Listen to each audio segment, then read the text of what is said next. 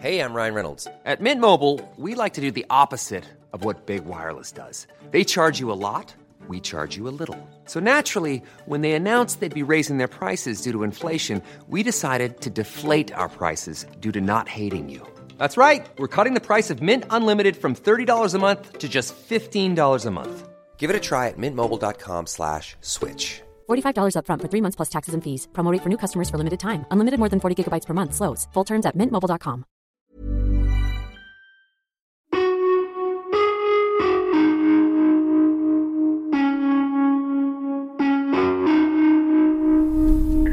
ett ganska konstigt ärende faktiskt.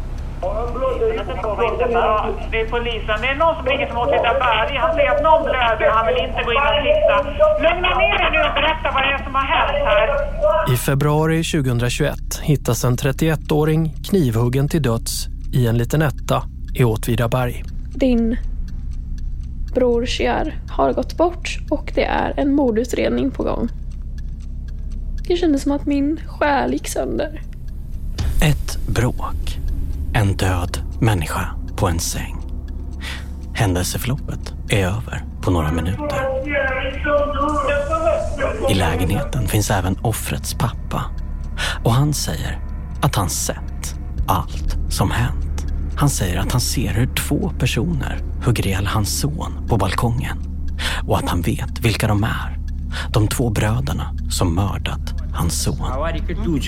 Eh, alltså att jag såg eh, hur eh, de hoppade på att och eh, attackera med kniven och hammaren. Och då var det inte dörren helt stängt och han, under den tiden skrek han två gånger och en, de stängde dörren. Och då blir min följdfråga så här. Visst är det så att din uppfattning är att allt våld mot din son sker ute på balkongen? Mali. Ja. Pappan berättar att de båda bröderna, efter att ha huggit ihjäl sonen på balkongen, släpar in hans döda kropp i lägenheten. Och bröderna döms till 18 års fängelse för mord, baserat på pappans vittnesmål. Det är bara det att på balkongen ligger det snö och det finns inga tecken på något tumult. Och eh, på balkongen så ser man ju inte direkt någonting som ger bilden av att där kan det ha hänt saker. Men jag menar, det, den här berättelsen om att han skulle ha döpts på balkongen, den är ju omöjlig. Så kan det ju absolut inte vara. Och det, det, för mig är det ju så konstigt att man inte har reagerat på det och tänkt, varför säger han så då? Men när det gäller pappans förhör så är det ju klart och tydligt så att han har inte hela händelseförloppet klart för sig. Beror det på att han ljuger, att han har sett händelseförloppet och han skäms för att han inte har ingripit? Det är ju en förklaring. Har han varit medvetslös under en tid av det här sammanhanget eftersom han har blivit slagen i huvudet? Eller vad, vad beror det på att han uppenbarligen lämnar felaktiga uppgifter? Och det måste man ju klara ut då. När spår börjar undersöka fallet visar det sig att åklagaren själv underkänner stora delar av pappans berättelse. Jag vet inte om du har tagit del av förhöret med, med eh, den här pappan på tingsrätten. Det var ett förhör som var på en hel dag. Mm. Ja. Eh, och, och där är det uppenbart att han ljuger om saker och att han, det är uppenbart att han inte förstår alltid vad, vad frågorna handlar om.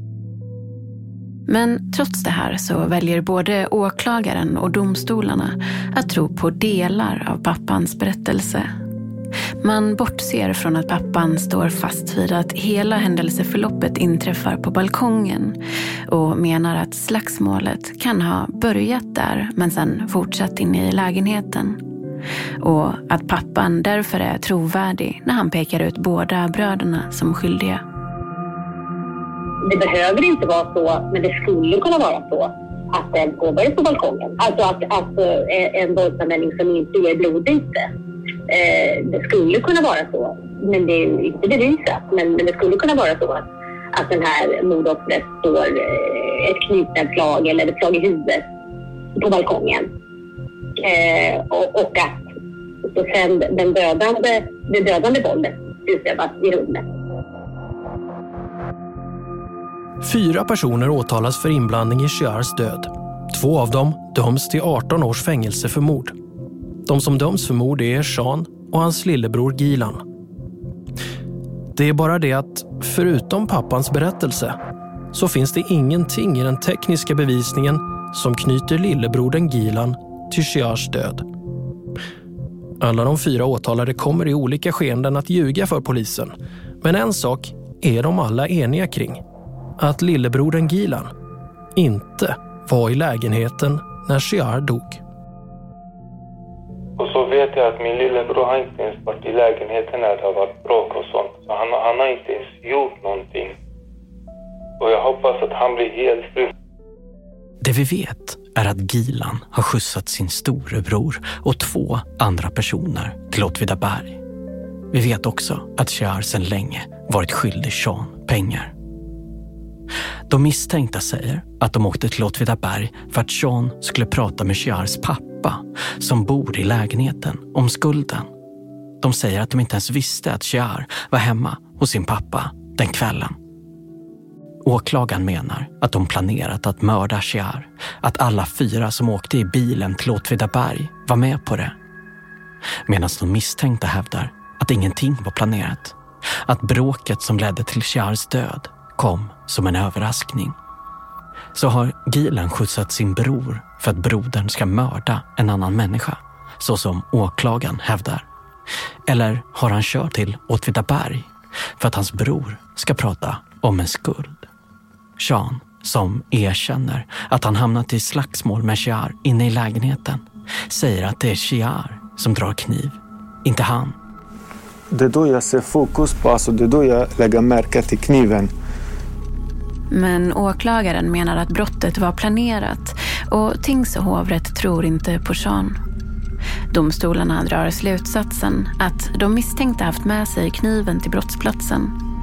Trots ska det visa sig när spår granskar fallet att det inte helt utretts vems kniven är. Och framförallt att man låtit bli att undersöka bevis som faktiskt hade kunnat leda polis och åklagare närmare ett svar på i vems ficka kniven kan ha legat. Det som jag också hittade där var att man har plockat ett 50-tal tygfibrer från, som liksom har fastnat eh, under kanten på en klisterlapp på knivslidan. Mm. För att komma närmare svaret på vad som faktiskt har hänt inne i lägenheten tar Spår kontakt med polisens nationella blodbildskoordinator Tony Mörk. Någon blodbildsanalys för att slå fast var Shiar dör gjordes aldrig under polisutredningen. Och Tony Mörk säger att det dödliga våldet inte alls äger rum där pappan, åklagare och tings och hovrätt på ett eller annat sätt placerade. det. Han har ju en helt skev uppfattning om det här våldet, att det skulle ha ägt rum på balkongen och att offret ska ha släpats in. Blodspåren säger ju inte det på platsen. Istället menar Tony Mörk att allt dödligt våld ägt rum i sängen i sovalkoven. Precis som de misstänkta berättat i förhör och inför domstol utan att de blivit trodda. Ja, jag har ju sett bilder ifrån brottsplatsen och eh, det, det jag ser är ju att det saknas, eller det, jag ser inga direkta blodbilder utifrån våld eller rörelser i, i den här lägenheten förutom i sängen där också offret anträffas. Där är det ju omfattande mängder blod. I spår, säsong 12, de avgörande minuterna i Åtvidaberg, nystar vi i vad som hände under de få minuter som ledde till 31-åriga Shahars död.